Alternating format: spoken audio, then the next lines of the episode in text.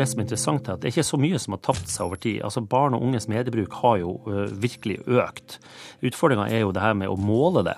De kommuniserer veldig mye på, syns det er veldig gøy med denne Snapchatten. Og så er det Kik og forskjellige andre sånn meldeprogrammer der de kan melde til hverandre gratis og, og dele bilder og filmer og meldinger. da. Nei, Det blir jo ganske irriterende når de henger over skuldra på deg hele tida og absolutt skal vite hvem du prater med, hva dere prater om. Det kan bli litt irriterende.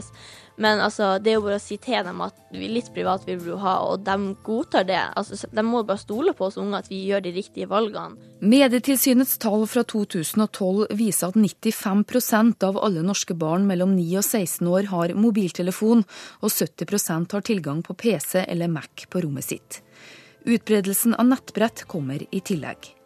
Hvor sikker kunnskap har vi om barn og unges medievaner, og hvordan forholder skole og foreldre seg til denne mediebruken? Kurer.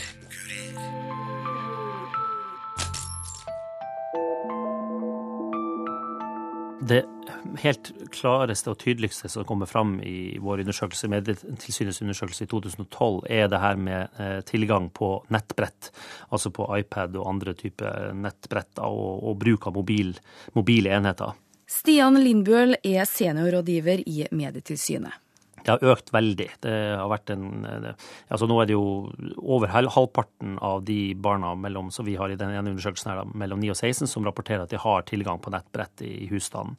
Eh, og så ser vi at de bruker da eh, nettbrett og mobiltelefon mye mer til å både kjøpe ting og spille, eh, og er mye mer aktiv med, med, med å bruke disse mobile enhetene enn, enn de, de, var i 2010. Så der har det vært en kraftig økning. også. Så det ser vi, og, og vi ser jo at norske barn har, har, stor tilgang til og høy mediebruk generelt når det gjelder forskjellige medie, hva skal jeg si, enheter eller bruk av forskjellige medier. da.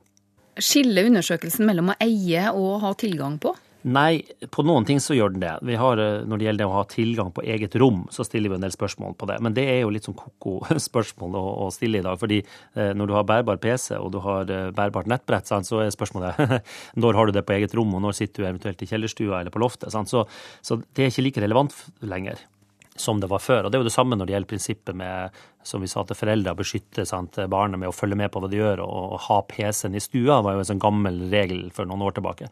Den er jo ikke akkurat særlig aktuell lenger. Nettbrett og, og mobiltelefoner er det som eksploderer. Hva er det som taper? Ja, altså det som har tapt over tid, det er vel det som er interessant, at det er ikke så mye som har tapt seg over tid. Altså Barn og unges mediebruk har jo virkelig økt, fordi man bruker veldig mange medier i dag. Og man bruker mange av de samtidig. altså Man sitter med nettbrettet og mobilen i handa samtidig som man ser på en TV-serie. Og den TV-serien trenger man ikke nødvendigvis å sitte og se på akkurat på TV, på fjernsynsapparatet i stua, men man sitter og ser den på, på nett-TV, selvfølgelig. Men det som kanskje er et sånn utviklingstrekk generelt på mediebruken, er jo det her med avislesing. Det har vi jo sett.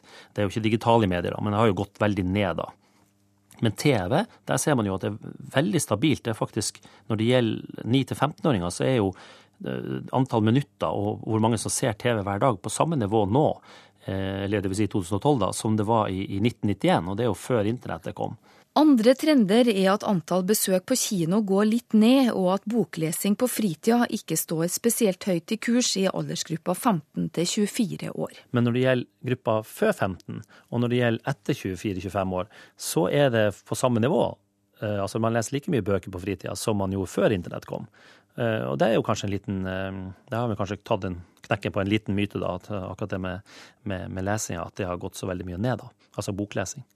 Hvor pålitelige tall klarer dere å få fram når man gjør såpass mange ting samtidig?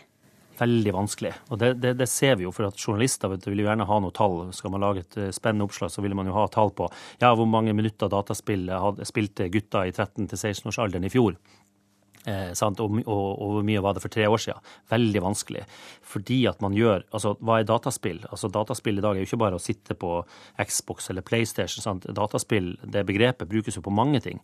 Eh, å spille f.eks. et spill på, på, på nettbrett er jo et dataspill òg. Ja, for et elektronisk spill. Og, og, og, det er klart at dette kan de gjøre samtidig som de ser på noe uh, på, på nett-TV, på en serie eller, eller, på en film. Så, så det, det liksom har blitt litt sånn kunstig det der med tidsbruk. Altså vi, vi, vi, vi, har jo i hvert fall gått bort fra det. Vi klarer ikke å få pålitelige tall rett og slett på det som sier akkurat hvor mange minutter eller nøyaktig hvor mange halvtimer du så på det eller gjorde det.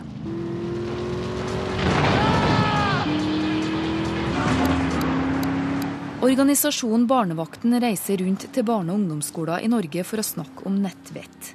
Rådgiver Kjellaug Tønnesen er en av dem, og hun anslår at de snakker med rundt 20 000 barn og 25 000 foreldre hvert år. Ja, er veldig, De er veldig begeistra for en time eller to med fokus på nettvett og spilling og og eh, smarttelefoner og Snapchatting og Instagram og alt dette her som de bare elsker. Så det, eh, spesielt i mellomtrinn barneskole så de er utrolig meddelsomme. Så de sitter med hånda oppe hele tiden og har lyst til å komme med innspill og spørsmål. Og de har stort engasjement og begeistring. I ungdomsskolen så er det jo litt stillere. Der er litt mer opptatt av hva sidemannen tenker om hva jeg sier osv. Så, videre. så der er det viktig å komme med innspill og input eh, til refleksjon som de gjerne kan ta videre ut. da. Du var inne på at eh, en del elever er ivrige å rekke opp hånda. Hva spør de om? uh, ja, altså det, det, kan være ja, helt små, trivielle ting som hva aldersgrensen er på Snapchat til, uh, til store Eh, vanskelige ting som kanskje de ikke skulle sagt i plenum. Så det er jo, det er jo en kunst, det å eh, styre en eh, klassegruppe sånn. Nå er jo mange av våre foredragsholdere har jo bakgrunn som lærere og er pedagoger, da. Så det, det er viktig å, å ja, styre den der dialogen som blir, slik at det blir til nytte for alle. Og at noen må vi kanskje sette grenser for, slik at vi inviterer de frem til å snakke etterpå. Eh, sånn at de ikke utleverer seg sjøl eller sin familie for mye i, i en klassesituasjon, f.eks. Eh, så det, det, er litt forskjellig hva de kommer med. Men det kan være meninger om spill. Det kan være ting de har opplevd inne i spill som de syns har vært dumt. Det kan være hacking, mobbing. Det kan være um, bildespredning. Det kan være faktisk barn som klager på foreldrene sine fordi de legger for mye bilder om de på nett, eller som de syns foreldrene sitter for mye på Facebook, så kommer de med sånne små innspill om det. da. Så når vi snakker om disse spillene, så som er litt sånn inn akkurat nå, så er det veldig begeistring når vi viser fra disse spillene som de liker best. Da. Minecraft og Clash of Clans og Movistar Planet, og da går det sånn sus gjennom klasserommet. Så det, og da snakker vi om gleden og utfordringene i disse spillene, da har dialog med dem på, på de tingene. Hvordan opplever du aldersforskjellene, modning, eh, bevissthet når du er mm. ute på skolene? Ja, jeg opplever at eh, ja, sånn i fjerde-femte så, eh, så, begynner det for alvor å være mer sånn på det sosiale, da. At det blir viktig, vel så viktig som å sitte og vinne i et spill. Så er det viktig å spille sammen med andre, da, med vennene. og og, og, være sosiale. Eh, enten bare på chat og sikting, men òg i spill. Sant? At man spiller online og har en relasjon til noen. Eh, og fra syvende og åttende så ser vi at eh, i en del jentemiljø så, så kan det bli litt sånn problematisk. Det var kanskje alderen, sant. Og det er litt sånn Hvis ikke miljøet er er veldig bra og enkelt fra før, så gjør det det ikke lettere med det at man da har um, telefoner og nettbrett og PC-er hvor man kan kommunisere hele døgnet. Det, det her at man blir litt modigere når man sitter bak skjermer og mangler kroppsspråk og sånt, det, det, får litt konsekvenser når vi uh, når, når da miljøet ikke er helt eh, bra fra før. Og det går jo i Twitter og Facebook og Instagram og Snapchat og, og Kik og disse her, og, og, man er tilgjengelig hele tiden, og alle avtaler gjøres der, og så videre. Og vi ser jo at de er gjerne ikke, Alle har jo profiler på Facebook, men de er kanskje ikke så aktive på Facebook så de var for litt siden. Um, de har um, grupper, og de chatter og sånne ting, men å legge ting på veggen og slikt, det, det merker jeg på mine egne. Jeg har jo fire barn hjemme sjøl, så det, det, er ikke så stor aktivitet på PC-en og på Facebook uh, og de arenaene som det var bare for et år siden. Fordi man har fått disse appene hvor man kommuniserer mer sånn umiddelbart, og hvor man kommenterer og deler og har følgere og Ja. Og det er spesielt Snapchat og Instagram akkurat nå, da. Det er vanskelig å fange opp hva som er populært gjennom en medieundersøkelse som gjennomføres hvert andre år, sier Lindbøl i Medietilsynet. Instagram, Snapchat og flere av disse øh, nye programmene de, de er i full bruk. De har ikke vi fanga opp i vår undersøkelse nå, men det vil vi fange opp i neste, går jeg ut fra. Hvis det ikke har skjedd endringer allerede til neste undersøkelse. Men det som er det nye nå, da, eller, det, eller ikke nye, da, men som har tatt veldig av, da, det er jo det her med rangering. Altså at barn og unge rangerer ting på nettet. Eh, rangerer bilder de har tatt um, av alt mulig rart, og bilder av seg sjøl. Og at man blir rangert. Og det skjer jo veldig tidlig, mye tidligere enn fra man kommer inn i Facebook. Fordi at noen av disse her eh, programmene og appene og sånn, de brukes jo også av barn helt ned i 8-9-årsalderen. Så, så, litt, vi i Medtilsynet er litt opptatt av det, at foreldre følger litt med på det rangeringsuniverset da, som barn blir utsatt for veldig tidlig. da. Eh, og da er jo kanskje ikke bare det å bli rangert som den kuleste klassen og den peneste klassen det som er det store problemet. Det som er utfordringa, er kanskje mer den som ikke blir med på en sånn rangering. Altså som ikke får være med, som ikke blir, som ikke blir vurdert i det hele tatt og blir utestengt fra det. da. Det, der, der, er noe vi er litt opptatt av at, eh, eller det er vi litt opptatt av at foreldre skal følge med på. da. Kurer. NRK P2. I fjor sommer var 26 ungdommer i alderen 14 til 19 år samla til en nordisk ungdomskonferanse i Stockholm for å si sin mening om internett. 16 år gamle Elise Holmen Parker fra Narvik var en av dem. Det var mest om hvordan ungdommer bruker, bruker nettet, og hvor tidlig folk blir, blir møtt på nettet, og hvor, hvor tidlig de f.eks. får en iPhone, eller hvor lett tilgjengelig alt er. Var det noen forskjeller mellom eh, representantene fra de nordiske landene, syns du? Nei, ikke så veldig. Det var ganske likt, det vil jeg si. Vi i Norden, jeg tror ikke vi er akkurat de fattigste, så jeg tror alle får tak i de nettingene som de vil ha. Og, så jeg tror det var egentlig ikke noe forskjell, syns jeg. Hvorfor fikk akkurat du lov til å dra til Stockholm? Nei, altså, jeg engasjerer meg jo veldig mye for nettbruk og har gjort det hele tida. Så jeg, jo, jeg, var veldig engasjert da han sa om det her, så jeg prøvde jo å få være med. For jeg ville, jeg ville han, jeg hadde noe å si, og det ville jeg prøve å få frem til de voksne. Hva er det du vil si? Nei, altså, jeg prøver jo men Mitt hovedpunkt er jo egentlig det at eh, på barneskoler burde folk få måtte, kanskje en nettdag eller en datadag der de får lært om nettet, hva som er på nettet, hva de burde gjøre, hva de ikke burde gjøre og at teknologien, den, altså unge folk bruker måte, teknologien for mye.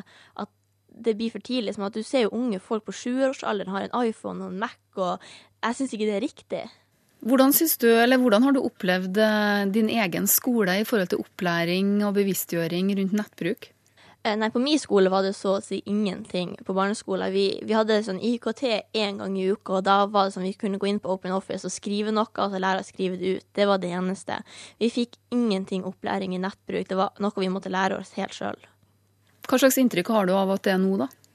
Nei, altså, jeg tror ikke det er noe særlig bedre nå. Altså, du ser jo, Vi unge vi er jo født inn i teknologien, så det er jo noe helt annet. Så alle er jo opplært sjøl, så jeg tror ikke mange av lærerne på en måte gidder, hvis jeg kan si det, å lære unger det på, på skolen pga. at de tror alle de vet alt. Medietilsynet har gjennom egne og andres undersøkelser en oppfatning av hvor oppdatert norsk skole er. Og utstyrsmessig ligger de bra an, med en seniorrådgiver Stian Lindbøl. Til tross for eh, noen som mener det motsatte, så har jo skolene også fått en del ekstra penger til å kjøpe IKT-utstyr. Så det, den, den, situasjonen med tilgjengeligheten eller tilgangen på utstyr er jo faktisk blitt betydelig bedre. Men så er det jo da det her med å utnytte det på en god måte. altså Også tilrettelegge gode innholdstjenester, lage ting som er lett å bruke i skolesammenheng. Det er jo der utfordringa er. Så utfordringa nå er vel ikke egentlig på tilgang på utstyr, men det er vel tilgang på godt innhold.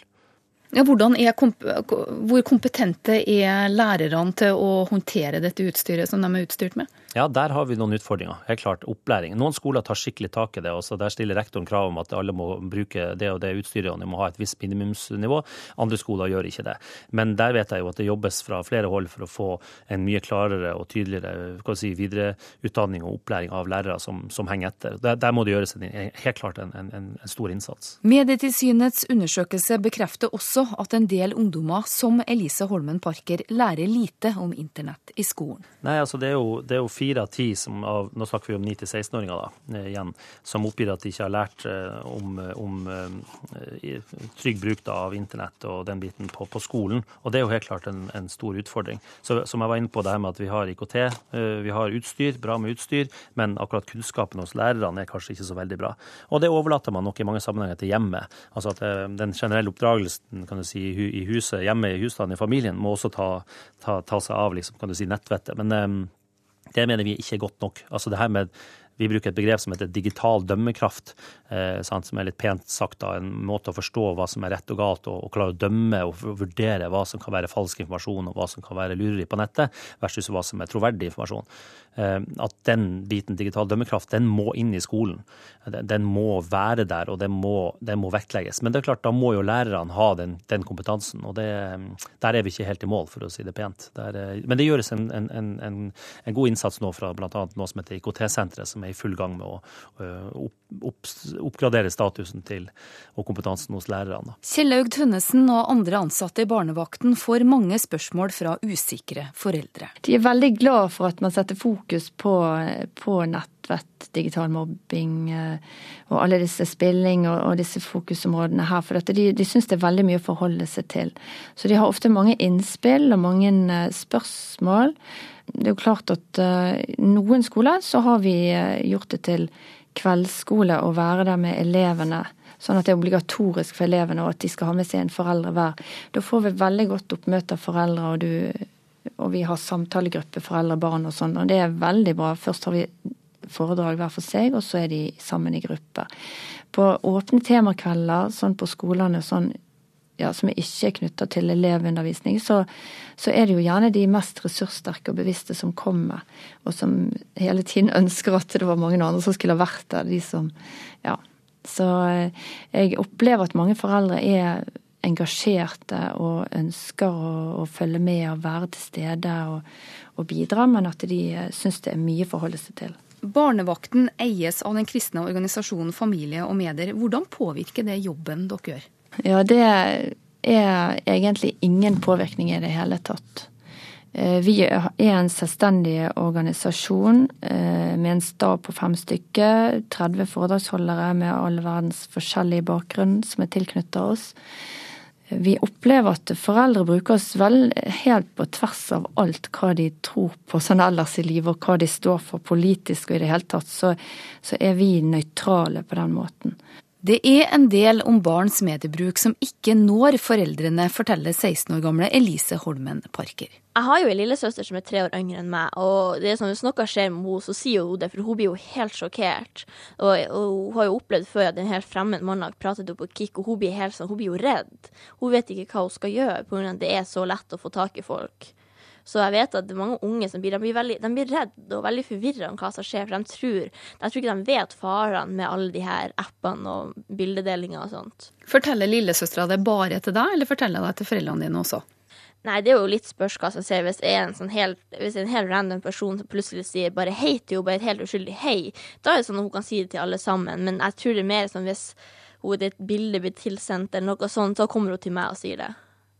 Hvordan takler foreldrene deres mediebruken, internettbruken, eh, til deg og søstera di? Nei, mine foreldre de, er, de, de kan ikke kalle dem strenge, men de er veldig opptatt av at vi ikke sitter for mye på nettet. Vi er forsiktige med hva vi gjør.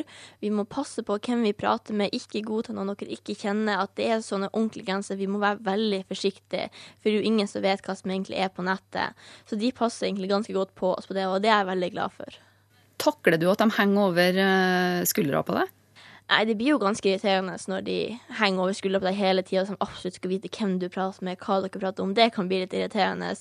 Men altså, det er jo bare å si til dem at litt privat vil du ha, og de godtar det. Altså, de må bare stole på oss unge at vi gjør de riktige valgene. At de fortsatt følger med hva vi gjør, og kan spørre ja, er du på Facebook nå, er du på Instagram nå, eller sånn her. At ingenting har skjedd. Men at de på en måte, måte backer litt off også. At de gir oss litt åpenhet, og iallfall stoler litt på oss. Foreldre er jo veldig opptatt av dette med tidsbruk. Hva tenker du om det? Uh, jeg syns egentlig det er ganske bra at de er opptatt av det. Altså, de, de jo, vet jo sjøl hvordan det er å ikke ha så mye nett. Og de syns det blir teit for oss unger å bare sitte inne. Det syns jeg egentlig er ganske riktig at de setter grenser for det, for det er jo mye annet å gjøre enn å bare sitte på PC-en. altså Helsemyndighetene i Danmark for noen år tilbake, altså Sosialstyrelsen i Danmark, fikk et sånt spørsmål vet du, og gikk ut med en anbefaling. og De sa to timer skjermbruk om dagen er mer enn nok for barn og unge, husker jeg. Og Det er noen år tilbake der. altså. Det ble jo mange forskere, medieforskere som, som reagerte på det og gikk ut sterkt mot det og sa at det var jo helt latterlig. Og det, og det, blir det jo fordi at hvis man sitter mye på skjermen og, sant, i skolesammenheng, og man sitter og skriver oppgaver, gjør ting på nettet, så, så, vil jo skjermen være Altså skjermaktiviteten, uansett hva slags skjerm, vil jo være veldig, veldig høy. Og det gjelder jo oss voksne òg, um, ehm, som iallfall har kontor, klassiske kontorjobber. Så, så, det er veldig vanskelig å gi noe sånn, sånn eks, klare eh, anbefalinger på det. Men én ting er i hvert fall sikkert. Uansett hva du gjør av stillesittende aktivitet, om det er en skjerm eller om du sitter og holder på, si, holder på med glansbilder eller fotballkort eller hva vi holdt på med i gamle dager, Sitter du for lenge og gjør én aktivitet, så er jo det uheldig. Altså Stillsitting er jo ikke bra. Så å sitte pal i fire timer uten å røre seg, det er ikke bra uansett hva du gjør. Så det er det vi bruker å være litt opptatt av. Altså, De må heller se på hva det er slags innhold de benytter seg av. Og, altså, hva er det de gjør når de først er på nettet? Hva er det slags dataspill de spiller? Sant? At, de, at de får en oversikt over det. det medieinnholdet er viktigere kanskje enn, en tidsbruken. Uheldige konsekvenser av barns nettbruk har fått en del store medieoppslag i Norge. Ikke alle tall er like sammenlignbare, påpeker Stian Lindbøl i Medietilsynet. Altså I Norge så har vi jo høy tillit til myndigheter og til staten. Folk er jo villige til å gi fra seg ganske mange opplysninger til staten og føler seg sikre på at ikke det blir misbrukt.